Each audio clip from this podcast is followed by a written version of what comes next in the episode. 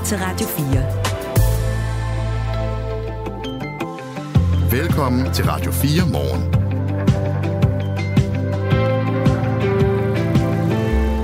Godmorgen. Glædelig mandag. Klokken er 5 minutter over 6. Jeg hedder Kasper Harbo. Jeg hedder Anne Philipsen. I weekenden kom chokmeldingen om, at konservativ formand Søren Pape Poulsen var afgået ved døden efter en hjerneblødning. Selvom Pape i et år 10 har haft sin daglige gang på Christiansborg, så blev han boende i den by, hvor han også tidligere var borgmester. Og øh, der skal vi tale med chefredaktøren for Viborg Stifts Folkeblad, Andreas Søndergaard, som hjælper os med at tegne det lokale portræt og fortælle, hvilken chokmelding, øh, eller hvordan chokmeldingen forplantede sig i Domkirkebyen midt i Jylland. Vi skal også øh, se nærmere på en historie, som øh, du også kunne høre om i nyhederne, nemlig at af de komponenter, som russiske missiler og våben består af, der er mange af dem produceret i Vesten. Og på trods af sanktioner mod lige præcis de varer, så finder de altså alligevel en vej ind i Rusland. Og øh, den vej kan i nogle tilfælde i hvert fald begynde i Danmark. For dansk eksport af sanktionerede dual-use varer, som det hedder, er nemlig steget med flere hundrede procent til lande som Kazakhstan, Armenien, Irak og Tyrkiet. Det er altså en historie, vi har her i Radio 4 morgen i dag, hvor vi øhm, både ser på det efter nyhederne halv syv, halv otte og halv ni. Og vi starter med Flemming Spidspol, der er seniorforsker hos DIS og har speciale i Rusland og det post-sovjetiske område. Og han er altså med os her om en halv times tid. Vi hører fjerne meldinger fra fronten i krigen mellem Rusland og Ukraine, men i dag kommer vi til at høre det, nogle nærbilleder fra en mand, der har været der. Danske Sander Schmidt Christensen har flere gange været ved fronten i Ukraine, og han har planer om at tage afsted igen snart. Han kan fortælle om krigens realiteter, når man ser dem helt tæt på. Noget andet end det, vi ser herhjemme, og han tror jo ikke på, at Ukraine kan vinde krigen. Øjenvidneskildring fra krigen mellem Rusland og Ukraine i Donbass-regionen cirka kvarter i syv den her mandag morgen. Hvor du jo som altid også er meget velkommen til at øh, komme med dit input på sms'en. Der er 1424-nummeret, hvis du har noget, du synes, du øh, vil øh, byde ind med på øh, den her morgens øh, program. Godmorgen. Godmorgen. Det her er Radio 4 morgen. Vi begynder i Gaza, hvor der kan være en våbenhvile på vej i krigen. En aftale om våbenhvile i seks uger er ifølge en højstående amerikansk regeringsembedsmand allerede mere eller mindre accepteret af Israel. I sidste uge sagde Joe Biden sådan her. Can you give us a sense of when you think that ceasefire will start, sir? Well, I hope by the, the beginning of the weekend. I mean, the end of the weekend. At least my, my, my national security advisor tells me that we're close. We're close. It's not done yet. My hope is by next Monday we'll have a ceasefire. Next Monday, det er lige nu. Allan Sørensen, godmorgen. Hej, godmorgen. Allan Sørensen er Kristelig Dagbladets korrespondent i Mellemøsten. Hvor tæt er det på med en våbenhvile i Gaza?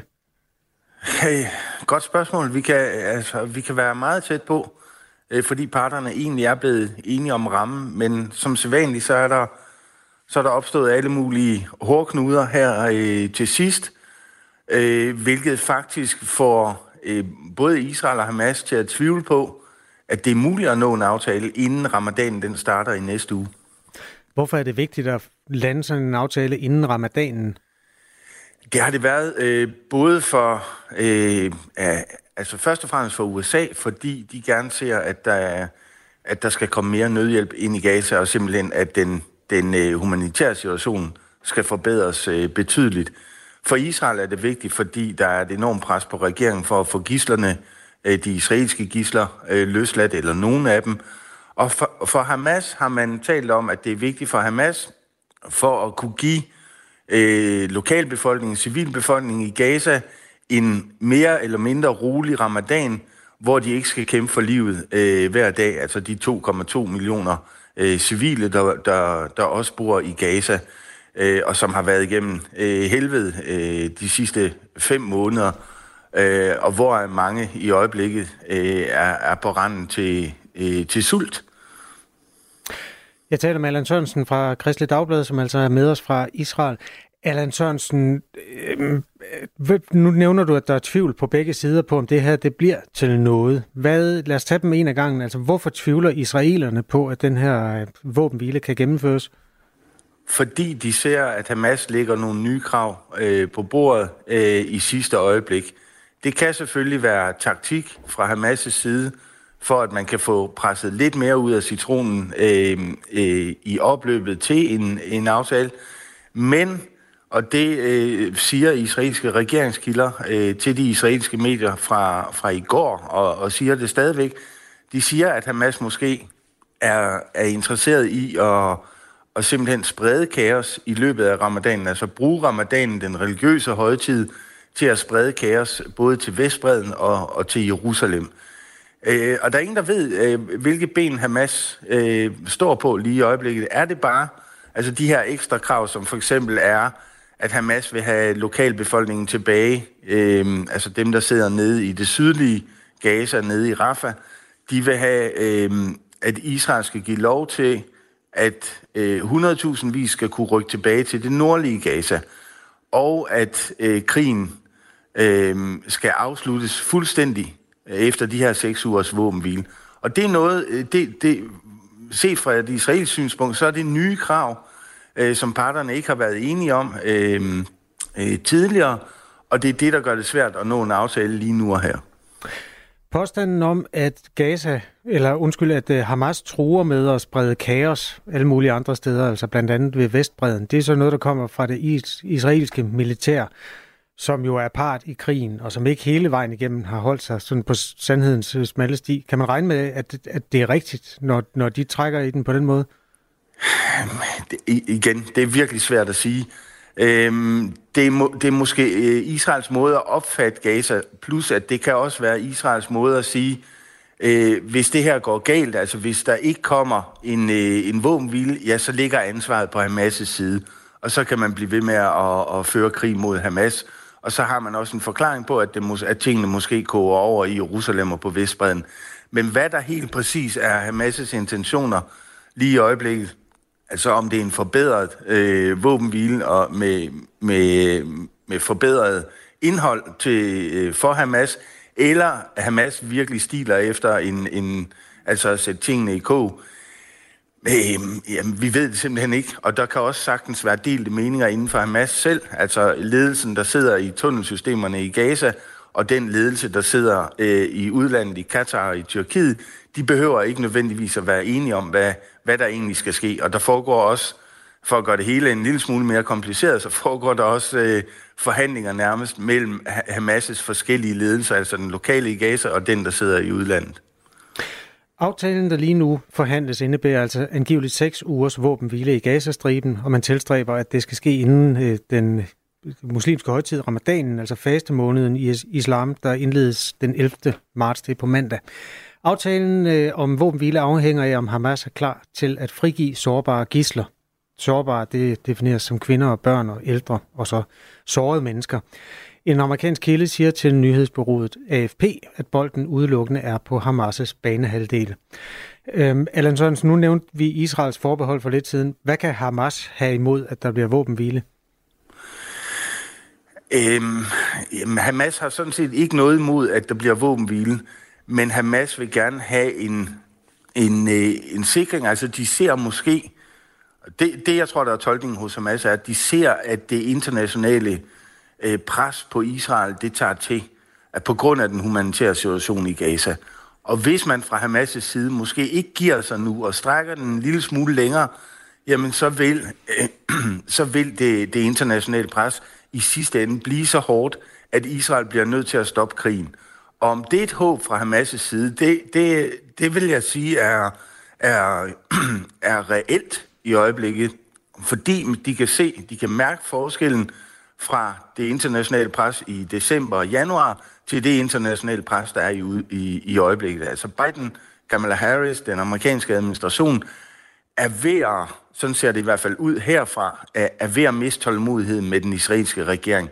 Så øh, jeg tror, Hamas vil have en våbenhvile, men hvis de strækker den en lille smule længere, altså 14 dage, 3 uger hen over ramadanen, så kan de måske få et bedre resultat øh, i sidste ende.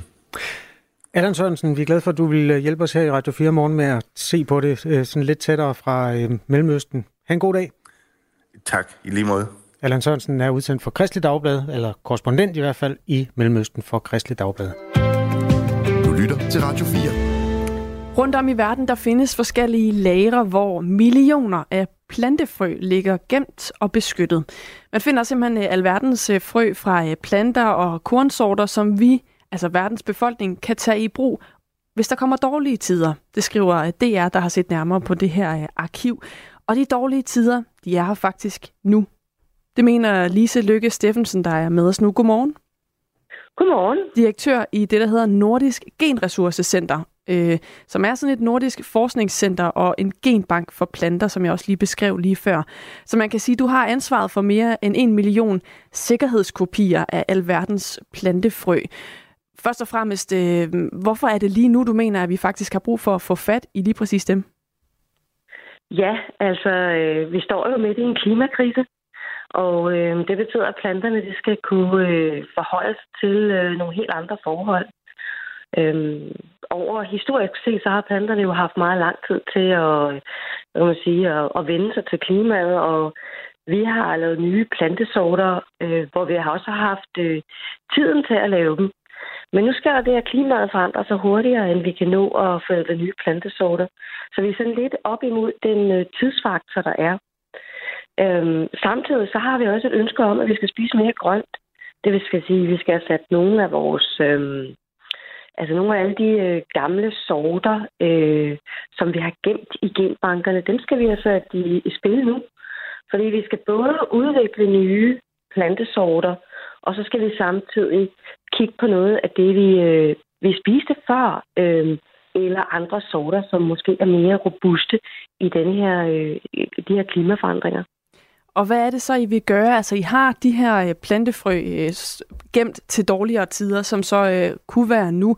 Hvad gør I så med de frø? Ja, altså jeg vil lige starte med at sige, at de frø, der ligger oppe i frøvældet på Svalbard, altså de her 1,2 millioner forskellige frøprøver, de kommer jo fra genbanker i hele verden. Mm. Vi har også vores, altså Nordgen, vi er jo også den nordiske og den danske genbank. Så vi har jo tilsvarende en frøsamling, som jo er tilpasset os og vores øh, klima.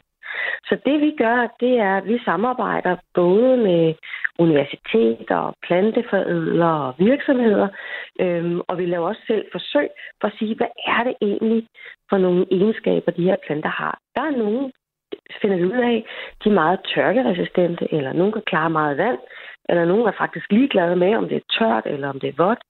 Nogle har resistenser mod svampesygdomme eller insektangreb. Øhm, og, øh, og, og nogle er nogle, vi har glemt, som for eksempel smager godt, øhm, hvor vi så er inde og siger, jamen, her kan vi faktisk producere en masse mad på relativt kort tid, som egentlig smager godt. Vi har bare glemt, at vi egentlig spiste for 50 år siden. Men altså, er det så nogle øh, frø i planter, eller krydser I dem, så I får nogle mere hårdføre modeller, eller hvordan sådan helt konkret griber I det andet, når I vil være med til at sikre, at vi øh, bliver ved med at have planter og kornsorter, der duer også, når klimaet ændrer sig? Ja, man kan jo sige, at vi sætter, vores, øh, vi sætter frøene øh, i spil, kan man sige. Øh, der er både... Øh, altså, vi kigger... Øh, dels kan vi, øh, hvad hedder det, plante dem ud, og så kan vi se, okay, hvordan reagerer de i forskellige scenarier. Øh, dels har vi en masse viden, så noget af det behøver vi ikke at undersøge så meget, vi kan bare prøve ligesom at promovere os, kunne vi ikke vi, vi kunne dyrke det her, for eksempel i økologiske landbrug. Øhm, og andre, der ved vi, at ej, præcis de her frø, de har de her gener, som har en eller anden egenskab, som vi rigtig gerne vil have. Men vi kan ikke rigtig helt bruge planten, men vi kan bruge generne. Og så bliver de krydset ind med, med øh, moderne, højdydende sorter, og vi får de her resistenser ind i dem. Øhm, så det, det er ikke noget, vi, vi laver alt forarbejde, kan man sige. Samarbejder med dem, der gør det, og, øh, og så er det så øh, planteforædlere, eller det kan være universitetsprojekter. Øhm, men nogle gange så gør vi det også, bare at vi går ud og kigger sammen med en virksomhed. Det har vi blandt andet gjort med den her store øh, havrevirksomhed, Oatly, som jo laver en masse fødevarer. Så har vi, har vi testet 800 forskellige slags havre af og sagt, okay, men de kigger efter nogle særlige egenskaber, og det kigger de så i vores materiale, og, øh, øh, og der får vi en masse data øh, om planterne, og så bagefter så går vi faktisk også ind og øh, kigger på deres gener øh, øh, sammen med et andet konsortium. Så bliver det sådan en, en stor videnspulje. Tak fordi du ville fortælle om jeres arbejde her til morgen, Lise Lykke Steffensen. Det var for lidt. Der altså er direktør i Nordisk Genressourcecenter, som altså er den her slags øhm, bankboks, eller hvad kan man sige, sådan en Nords ark for forskellige plantefrø, som altså sørger for, at de bliver øh, gemt og øh, beskyttet, og som man så kan bruge til at undersøge dem nærmere. Klokken er 20 minutter over 6. I Radio 4's app kan du altid lytte med, når vi sender live. Fra tidlig morgen til de sene nattetimer. Download Radio 4's app og lyt med, hvor end du er. Det konservative Folkeparti har i weekenden sagt farvel til deres partiformand gennem næsten 10 år på tragisk vis. For Søren Pape Poulsen døde lørdag efter en hjerneblødning i en alder af 52 år. Både fra højre, venstre og fra midten af det politiske spektrum, der har der lyttet øh, kondolencer og fortællinger om Søren Pape Poulsens politiske virke her hen over weekenden. Søren Pape Poulsen levede et liv i øh, politik, senest øh, nationalt, som formand for konservativ og som tidligere justitsminister. Men før det, så var det i lokalpolitik som borgmester i Viborg Kommune.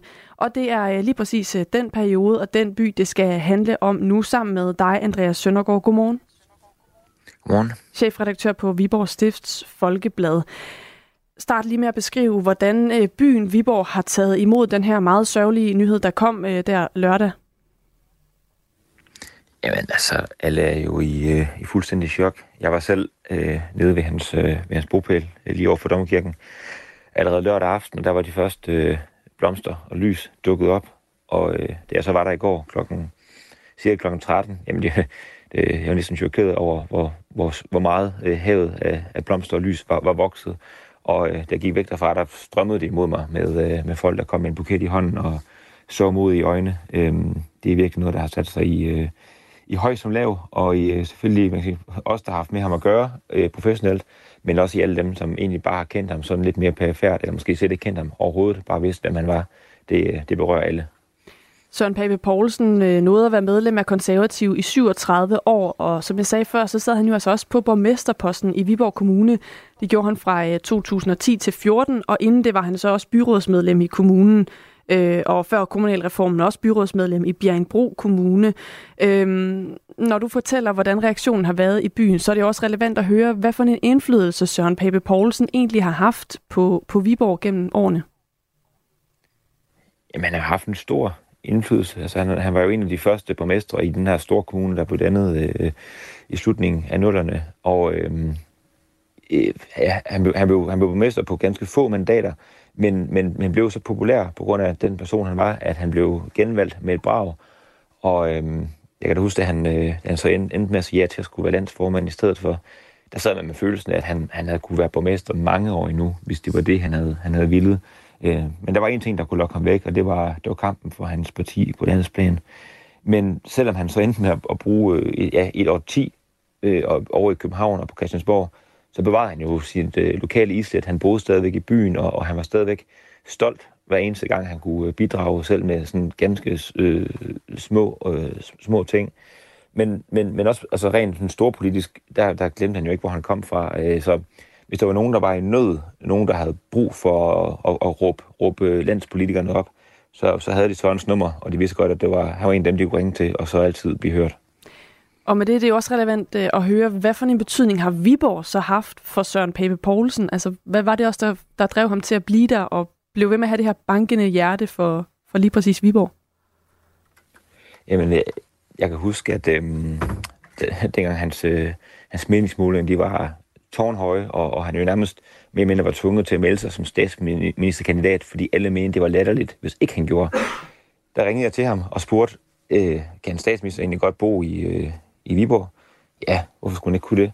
Øh, svarede han så, fordi jeg tror faktisk ikke, han kunne undvære det. Øh, lige så fint som han til tider trives i, øh, i, det der, i den der politiske heksekæde, lige så vigtigt var det for ham at kunne trække stikket, og, øh, og der kunne man bare se og mærke på ham, at, at, at han følte sig hjemme, når han, øh, når han landede der midt i, i Jylland, og kunne rundt med sin hund, og jamen, han var stolt, altså noget som juleambassadør øh, for, øh, for Viborg, og gik rundt med, med julesweater på, hvor der stod jule i Viborg. Altså, han, øh, han var Viborgenser og, og, og, og midtjyde ind til benet, og, øh, og det tror jeg egentlig var lidt et, et, et helle for ham, at han kunne bevare den del af sin identitet. på trods af det hele. Andreas Søndergaard er chefredaktør på Viborg Stifts Folkeblad, og vi taler sammen i anledning af ja, den meget triste anledning, at Søren Pape døde i weekenden. Øh, vi har også fået sms'er fra øh, ja, mange steder i, i landet. Der er en, der skriver, jeg arbejder på skolen i Bjerringbro, hvor Søren var ansat, inden han blev borgmester. Jeg tror, at stemningen bliver ret trykket blandt personalet i dag, skriver et af de mennesker, der hører Radio 4 morgen, og som har lyst til at skrive til os. Det foregår på nummeret 1424. Øh, Vestjyden, han skriver, Godmorgen, jeg vemmes. Søren Pape blev korsfæstet ved sidste valg. Der var ikke det, der ikke var galt med ham, og nu er han desværre død, og de selv samme har travlt med at rose ham. Det var bedre, de opførte sig ordentligt, mens han levede. Andreas Søndergaard, jeg vil ikke bede dig om at kaste dommer over dem, der skriver pæne ting om Pape nu, men altså, hvor meget mærkede det egentlig ham, at han fik en hård medfart i medierne omkring sidste valg? Altså, øh, jeg, synes, jeg synes egentlig, øh, det var svært ikke at have ondt af ham. Selvom vi som journalister jo skal have en, en, en, en vis professionel distance til de politikere, vi skriver om, så, øh, så tror jeg ikke, at jeg afslører for meget, hvis jeg siger, at, at, at vi sad der på vores redaktion nogle gange og og undrede os rigtig meget over den, øh, den medfart, han fik. Øh, jeg har faktisk skrevet en leder øh, til vores avis i dag, som netop handler om det der med, at, hvad skal man sige, der er nogle politikere, øh, heldigvis ganske få, tror jeg, som er i det for, for egen vindings skyld, og som er egoistiske, som snyder og bedrager. Og de skal endelig have den store tur. Men, men sådan en var Søren Pape ikke. Altså, alle fremhæver hans ordentlighed nu. Han var det fineste, ordentligt, og mest ordentlige menneske, siger alle. Og det er egentlig det, der sådan også nærer mig mest lige nu, det er, at den her personlige øh, hæder, han får nu på baggrunden af sin død, jeg kunne godt have undet ham at få den i onsdags, eller torsdags, eller fredags, da han faktisk skulle høre den. Hvad er det for nogle dele af pressedækningen, som du synes var over stregen? Er, er, er, er, kan du være præcis på det?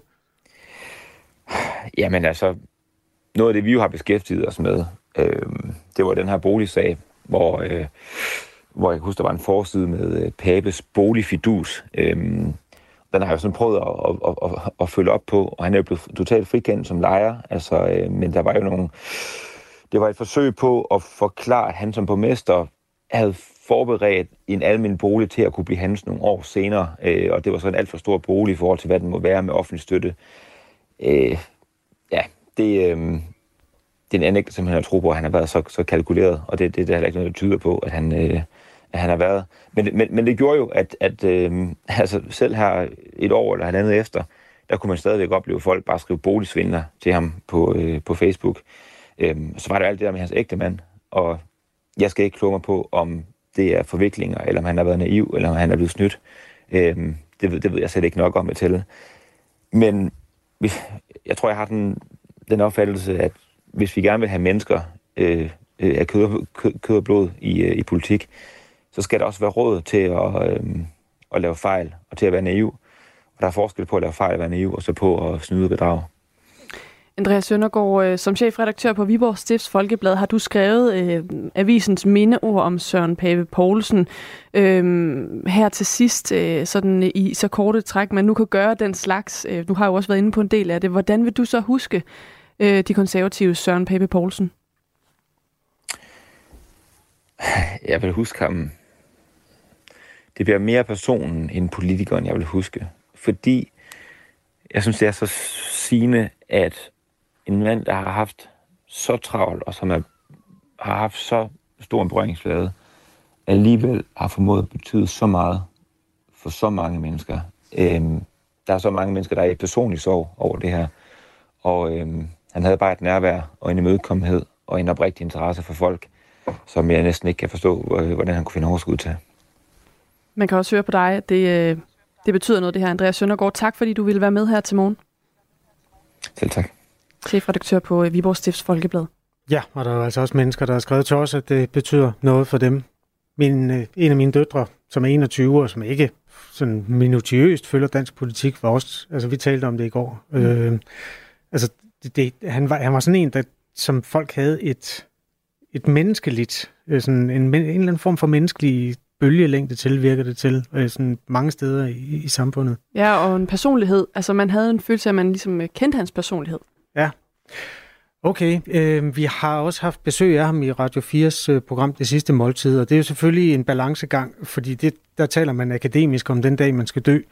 Det talte Søren Pape jo også med os om, og vi har sådan nogle, sådan, hvad kan man kalde det, nogle ting, der er meget velanbragte, når man skal mindes en mand, der øh, ja, nød livet og ikke øh, brugte tiden på at tænke øh, på døden.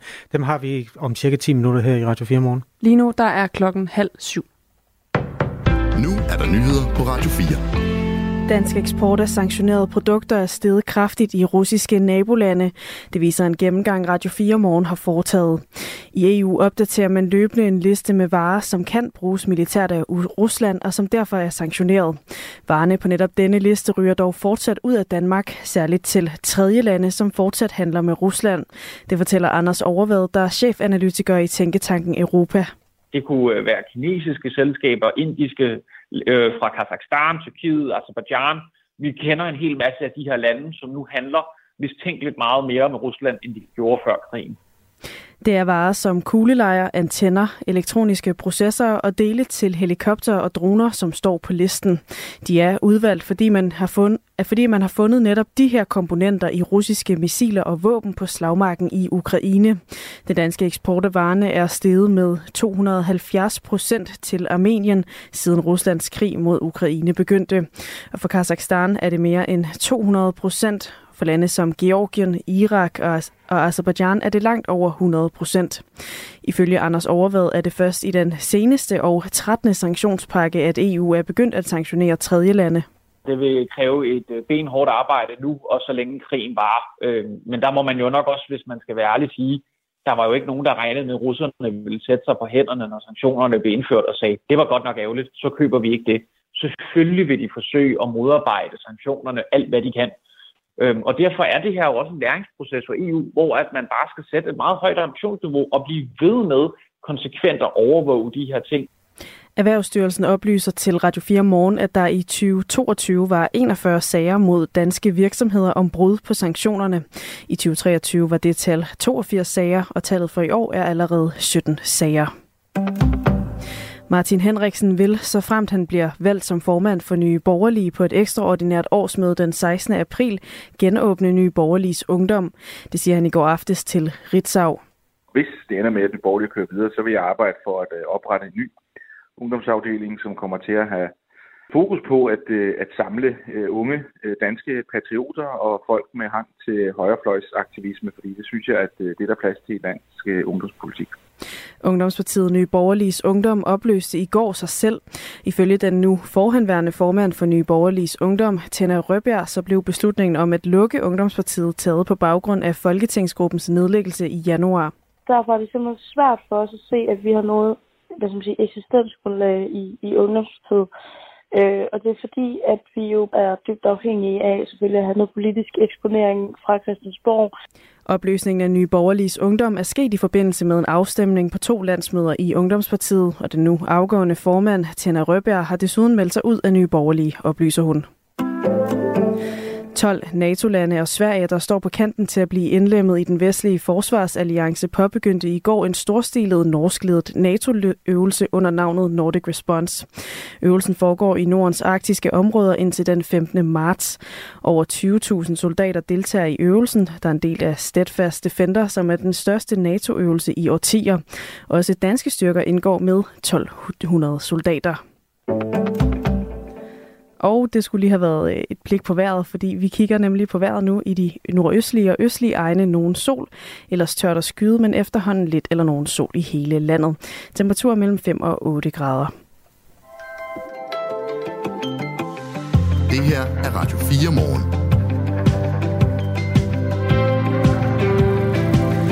Ja, godmorgen. Glædelig mandag. Det er klokken 6.34, og jeg hedder Kasper Harbo. Jeg hedder Anne Philipsen.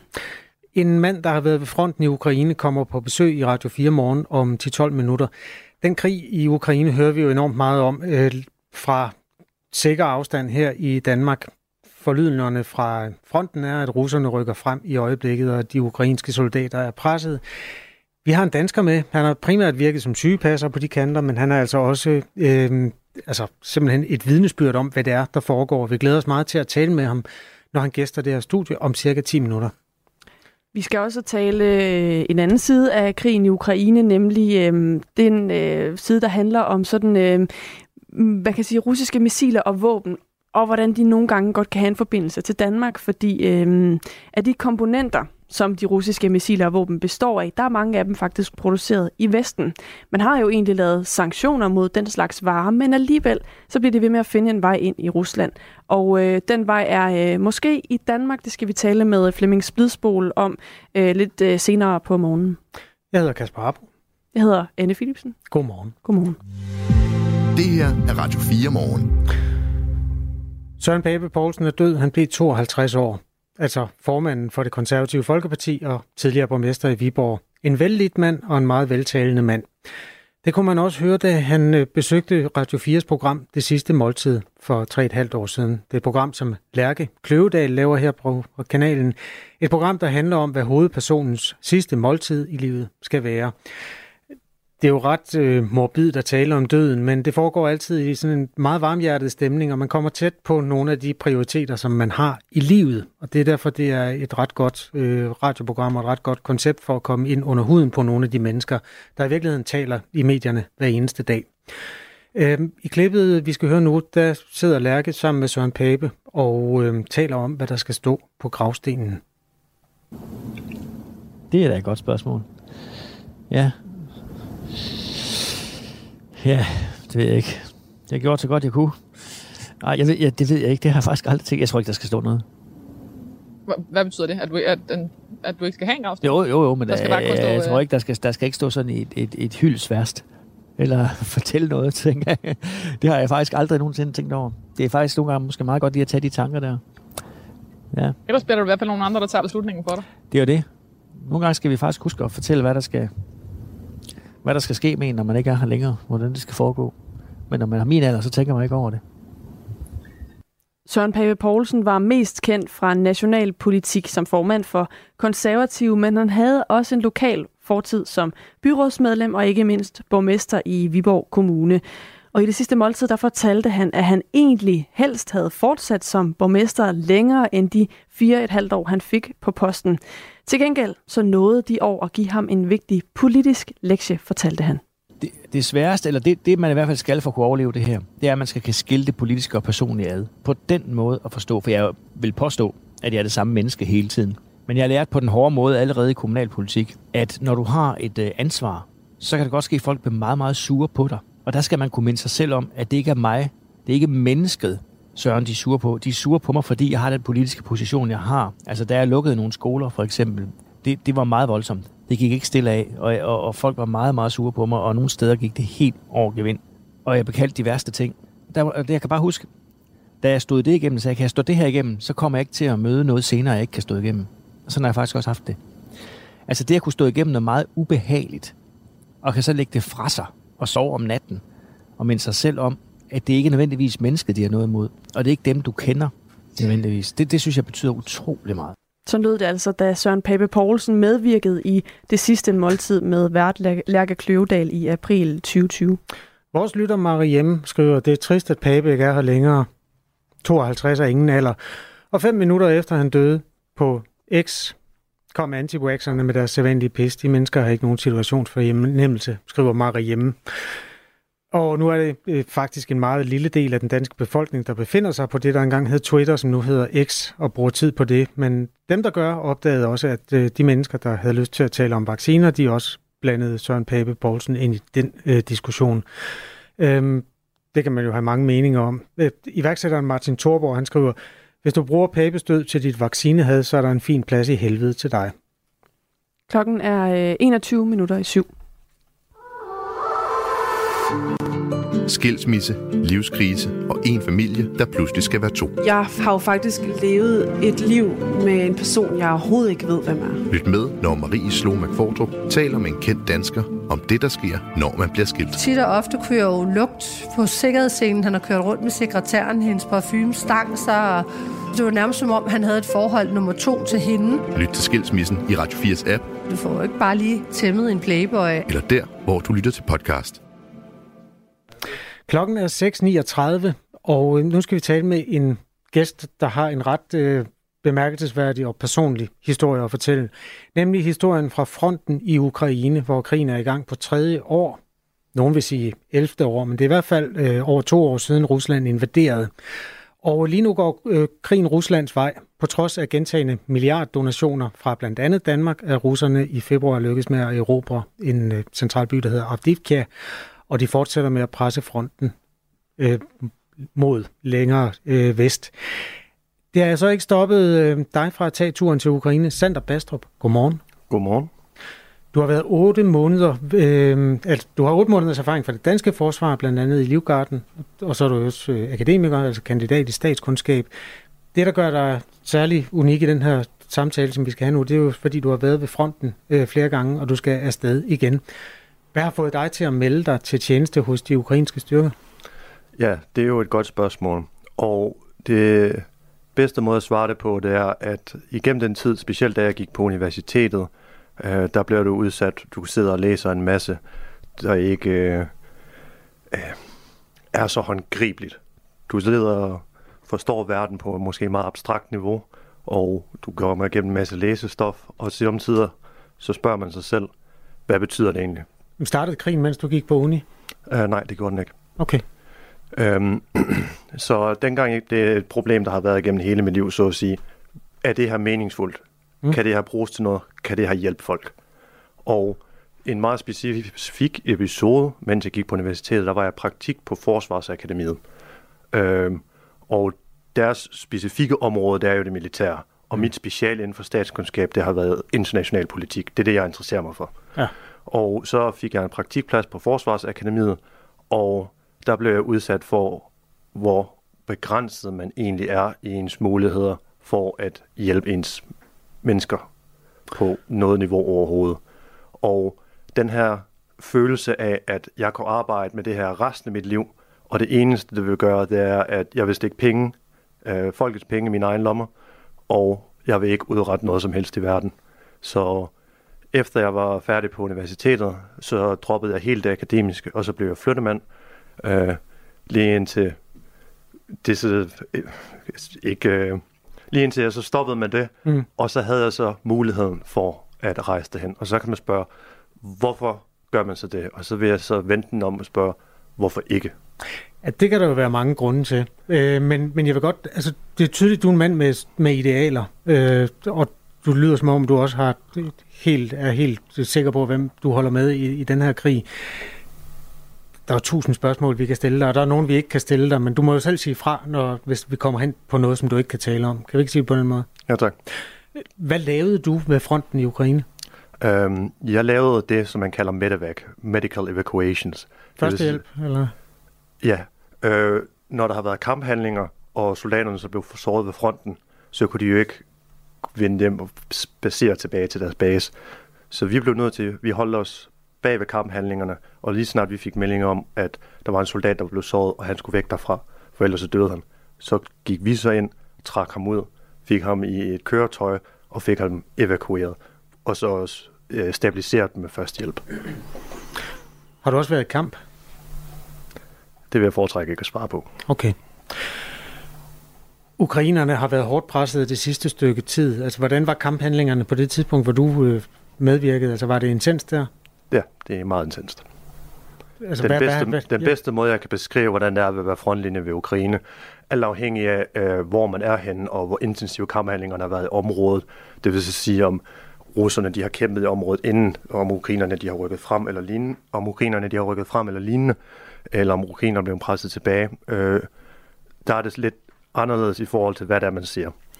Øh, men den bedste måde at beskrive det på, det er, vi har alle sammen prøvet øh, nytårsaften. Mm. Men der er en konstant lugt af krudt i luften. Man kan alle steder værende. Og den konstante lugt af død, fordi lige de bliver efterladt, og så ligger de og rådne op i dage, uger, månedsvis. Så selv jorden der lugter af rådenskab. Og der er døde mennesker, hovedsageligt døde russer, over det hele. De ligger på markerne, de ligger i skyttegravene. De er over det hele. Russerne de fjerner generelt ikke deres døde. Det er også meget svært, fordi at hvis ukrainerne presser frem, så kan de ikke nå frem til dem. Og det er også det samme for ukrainernes side af. Hvordan er det at stå med døde mennesker rundt om sig? For mig, der gjorde det som sådan ikke så meget. De var jo døde. Der er ikke så meget at gøre ved de døde mennesker. Hvad så de sårede? Det er så en helt anden øh, situation. Øh, når mennesker de dør, så kan de dø enten utrolig hurtigt eller utrolig langsomt. Og når det er sådan, at de bliver såret, og de klamrer sig til livet, så gør de alt for at holde sig i live. Så de, øh, det er generelt ubehageligt at være vidne til. Lad os bare sige det sådan. Jeg besøger Sander Bastrup, der har været i Ukraine flere gange ved fronten og hjulpet som sygehjælper, eller førstehjælp, eller det, det havde sådan et... Paramediciner. Paramediciner. Kom med det, kan Tak man godt kalde det. Yes. Og øhm, det, det, det er første gang, jeg taler med et menneske, der har været så tæt på kamphandlingerne, så derfor famler jeg måske en lille smule med, hvilke spørgsmål man, man i virkeligheden stiller sådan et menneske.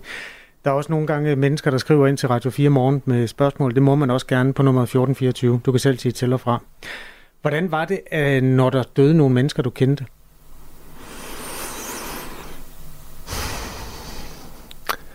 Jeg vil ønske, det var mig, og det ikke var dem. Det forstår jeg ikke. Hvis jeg kunne... De venner, jeg har mistet venner derovre. Jeg har mistet folk, som betød utrolig meget for mig. Folk, jeg brugte hver dag sammen med. Folk, spillede basket med, drak kaffe sammen med.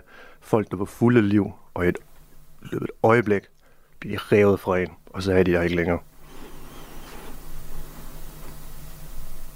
Og der er ikke noget at gøre. Var du klar til det, da du tog det over, og du oplevede det første gang? Mm, nej, jeg var mere klar til, at øh, mennesker de kan gøre forfærdelige ting mod hinanden, men det var jeg godt øh, bekendt med. Men følelsen af afmagt, når øh, folk, der har haft hele livet foran sig, øh, pludselig ikke er her mere, det er, det er svært at acceptere. Og det tror jeg aldrig nogensinde, jeg kommer til at kunne acceptere for resten af mit liv. De ting, du har oplevet, er selvfølgelig nogle af de menneskelige aspekter, som vi diskuterer nu, eller vi diskuterer ikke, du fortæller om dem. Og så er der også, en, en, du har jo også været øjenvidne til den her, som vi i virkeligheden ikke ved så meget om. Altså russerne siger, at det er nynazister, og vi andre, vi ved, at det er nogen, vi er allieret med, og vi sender vores våben derover. Kan du fortælle noget om, hvad det er for en, en her, vi er allieret med? Ja, Ukraine, de, øh, det er en meget kompleks situation. Ukraine har en her, men nogen vil nok mere beskrive den som en milits. Den del af den ukrainske her, som jeg var tilsluttet med, jeg var nemlig ikke tilsluttet nogen af de internationale organisationer. Den mest kendte er jo den internationale legion, men jeg var ikke tilsluttet nogen af dem.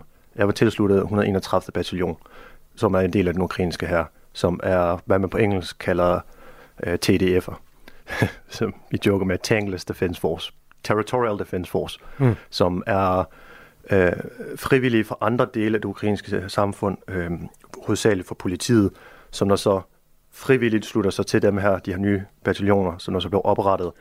Øh, det problem, de så har haft, det er, at de har ikke haft ressourcerne eller kapabiliteterne. Mm. Mm. De har ikke haft køretøj eller lignende. De har ikke haft folk til at kunne træne dem. De har ikke haft nogen, der har været paramediciner. Så de tog imod al hjælp med kysshånd, og det var så været dem, jeg har været tilsluttet. Og deres ånden er der, men træningen den mangler, lad os sige det sådan. Deres udstyr det mangler. Øh, De får udstyr for den ukrainske heraf, men meget af det, det er lige til at smide skraldespanden, og så må de ud- selv ud og investere i udstyr, der så kan holde dem i live. Hvad, hvad er de drevet af, de her mennesker? At se deres familie igen. Okay. Det er stort set det eneste, de tænker på, og det eneste, de snakker om. Det er at få lov til at se deres børn igen, få lov til at se deres mor igen, deres far, deres brødre og søskende. Mm. De vil alle sammen bare gerne hjem. Du må undskylde, hvis det her det er et upassende spørgsmål, men det er bare sådan en beskyldning, som er blevet fremsat så mange gange fra russisk side, at det er nynazister. Mødte du nogen, der havde den slags øh, sympatier? Ja, dem som jeg snakker med det, de forklarer mig det meget simpelt. Øhm, de er ikke nazister mod jøder, de er nazister mod russerne. Okay. Om der er... Øh, jeg kan godt forklare, hvad russerne de mener, når de, når de begynder at, når de snakker om denazificering og hvad de mener med nazister. Ja. Øh, men der er enkelte individer i Ukraine, som der har nogle for os andre højere ekstreme synspunkter, men man skal mere se dem som rednecks i det ukrainske samfund, som der ikke gider have, der kommer nogen i deres baghave, og så vil de hellere gribe til våben, og så skyde dem, der kommer for at trampe rundt i deres egen baghave.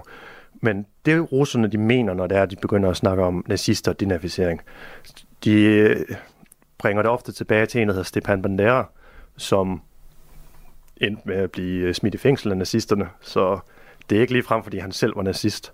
Men hvis man skal forstå russerne, så er den bedste måde at beskrive russerne på, det er, at det er et paranoid folkefærd, der har været en konstant psykose de sidste hvad, 700 år, hele Ruslands eksistens. De er fuldstændig øh, besat af tanken om, at alle i hele verden er imod den. Og den største fortælling i russerne, der findes i Rusland, og russerne de siger til sig selv, det er den store patriotiske krig mod mm. Nazi-Tyskland. Så når russerne de siger, det er et retorisk træk, når de vil denazificere Ukraine, det er, at alt, hvad alle andre siger, der er imod os, det er nazisme. De er vores fjender, ja. fordi alle Ruslands fjender, de er nazister. Ja, okay. Så forstår jeg det godt. Øh, vi har besøg af Sander Bastrup, som har været ved fronten i Ukraine, og som i øvrigt også skal afsted igen. Et af de mennesker, der hører Radio 4 morgen, spørger, hvor melder man sig? Du kan jo svare på, hvor du selv meldte dig. Øh, Eller det, det der skete for mig, det, der skete for mig, øh, var faktisk en lidt træls situation. Øh, jeg fandt en gruppe, øh, som jeg så rejste over for, som jeg så skulle tilslutte mig. Men det viser så, at de her, det, det var faktisk kun to personer, at de fundamentalt set bare var svindlere, så de tog mine penge, og så efterlod de mig øh, uden nogen hjælp overhovedet i Ukraine. Og der var jeg så, så heldig at rende ind i uh, en lille gruppe amerikanere, og der blandt også en anden dansker, der hedder Oscar, som desværre ikke er her længere. Okay, altså amerikanere, som også var... Er rejst til var rejst til Ukraine, ja. okay. Og det er så dem, jeg har været sammen med stort set hele tiden. Og de, jeg går ikke ud fra, at de er udsendt uh, officielt som amerikanere? Nej, det er de ikke. Nej, det, hvor mange frivillige er der? Altså, hvor mange har du mødt, og, og fra hvilke lande? Jeg har mødt folk fra hele verden. Som kæmper på Ukraines side? Som kæmper på Ukraines side. Det her, det er jo øh, Radio 4 Morgen med en gæst, som vi ikke, øh, som, som er, har en historie, der rækker ud over det sædvanlige. Der er også mennesker, der skriver til os på Radio 4 Morgen øh, på, på nummeret 1424. Der er også en, der spørger, om du havde en øh, tilknytning til Ukraine i forvejen. Jeg havde en større tilknytning til Rusland, end jeg havde til Ukraine. Min ekskæreste russer. Spillede det ind på din beslutning? Nej, det gjorde det ikke. Vi ved, at øh, hele den vestlige verden stort set støtter Ukraine med forskellige våbensystemer, men det er også, som jeg Vil siger... nogen jo påstå. Ja, okay, ja, og det, løfterne kommer i hvert fald, og våbnene kommer så noget senere, Tomme løfter. Okay. Hvordan oplever man det ved fronten? Mange af de våbensystemer. Øh, mit eget liv er blevet reddet af, af de amerikanske våbensystemer. Det er der ingen tvivl om. Øh, Hvordan det? Øh, russerne, øh, de, øh, der findes forskellige måder, hvorpå man kan bombe ting. Man kan bombe ting med artillerigranater, man kan bombe ting med raketter, man kan bombe ting med droner, og øh, amerikanske Patriot-system er enormt effektivt. Luftforsvarssystem. Ja, og tyske luftforsvarssystemer er enormt effektive. Så hvis det ikke var for dem, så havde jeg ikke stået her i dag. Hvordan øh, oplever man det, når man ser, altså når man er tæt på? Nogen prøver at bombe dig, og så er der nogen, der skyder øh, de der raketter ned, eller hvad? Ja. Øh, beskrivelsen af, hvordan det er at være bombardement, det kan, det kan jeg ikke få det til at forstå. Det er en så overvældende kraft, alt afhængig af, hvad man bliver bombet med, og hvor tæt på man er. Og hvis det er sådan, at du bliver bombet med artillerigranater, så får man ofte en idé om, at det kommer, så lander den første granat, og du kan høre dem flyve over hovederne på dig. Men hvis du bliver bombet med raketter, så når du ikke at se eller høre, hvad der sker. Lige pludselig så er der bare et stort brag, og så er der total kaos. Og det er så, det er så voldsom en kraft, men, er aldrig, men der er ikke noget, der kan beskrive det. Alting ryster, jorden ryster. Ligegyldigt når man sidder nede i en kælder, så ryster alting fuldstændig. Du kan mærke det hele i din krop. Den bedste, en af de ting, der for eksempel sker, når man er under bombardement, det er, at trykbølgerne, når udsat på under bombardement i længere tid, så trykbølgerne øhm, går ind, ind i dit kranie og får dit, i din hjerne til at øh, køre frem og tilbage, så man ender med konstant hovedpine, når man er under bombardement. Og selvom granaterne de lander flere hundrede meter fra dig, og trykbølgerne de er stadigvæk så kraftige, fordi eksplosionerne de er så stærke, at øh, nærmest går ind og moser hjernen på en. Sander Bastrup har altså været ved fronten flere gange og vil også afsted igen. Du talte for lidt siden om, at du blandt andet på din rejse var taget afsted med Oscar. Det er korrekt. Som døde i kamphandlinger. Der er et af de mennesker, der hører Radio 4 morgen, der hedder Mariemme. Hun er øhm, ja, ret flittig til at skrive ind til os på nummer 1424, og i dag med en ret usædvanlig historie, nemlig, jeg skriver hun. Hun skriver øh, faktisk til dig også, jeg vil nok fraråde manden at tage til Ukraine. For fem måneder siden mistede jeg min papsøn. Og så skriver hun, at øh, hun er papmor til Oscar. Jeg kan kun sige til en Oscar, han er nok en af de mest fantastiske mennesker, jeg nogensinde har mødt. Det savner ham hver dag. Det kunne, du kunne ikke ske noget mere forfærdeligt for nogen bedre person. Og jeg, hvis jeg kunne, så havde vi byttet vores roller om. Han døde altså i kamp i Ukraine? Ja, han døde tæt på Sloviansk. Hvordan? Kan du komme ind på det? Jeg vil foretrække ikke at gå i detaljer. Ja. Det eneste, jeg kan sige, det var, at han mærkede ingenting. Okay. Det var meget voldsomt. Mariem skriver også, ud over sorg er vi efterladt med udgifter, og vi har kontaktet forskellige politikere. Der er ingen reaktioner fra dem. Altså det handler jo nok om at få ja, Oscar Det er en af de ting, som jeg har lagt mærke til, når man kommer tilbage der, men det er, alle, alle vil gerne snakke om, hvordan man støtter Ukraine og det ene og det andet, men folk, der rent faktisk har været der, de bliver mere eller mindre totalt efterladt. Specielt også i Oscars situation. Alt det her, øh, de menneskelige ofre, som bliver beskrevet her, de skulle jo nødig være forgæves. I starten var, var der jo ikke ret mange, der troede, at Ukraine overhovedet kunne holde stand mod Rusland. Det viste de sig jo at kunne gøre, og har gjort det med vestlig hjælp i to år nu. Tror du, øh, Ukraine kan holde stand på den lange bane? Jeg kender ikke fremtiden, så syn skal jeg ikke. Øhm, situationen er rimelig kompliceret. Sådan som jeg vil sige det, det er, at Ukraine kommer ikke til at vinde krigen, men det gør Rusland heller ikke. Spørgsmålet er, hvad man får man ud af, hvornår har man vundet krigen?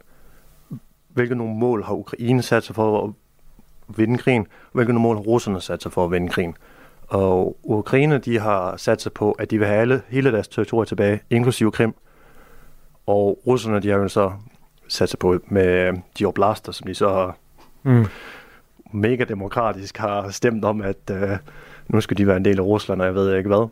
Så, og de kontrollerer jo ikke området. Så russerne, de kommer jo ikke til at kunne sige, at de har vundet, før de har indtaget det her. Ukraine kommer ikke til at kunne sige, at de har vundet, før de har indtaget Krim igen.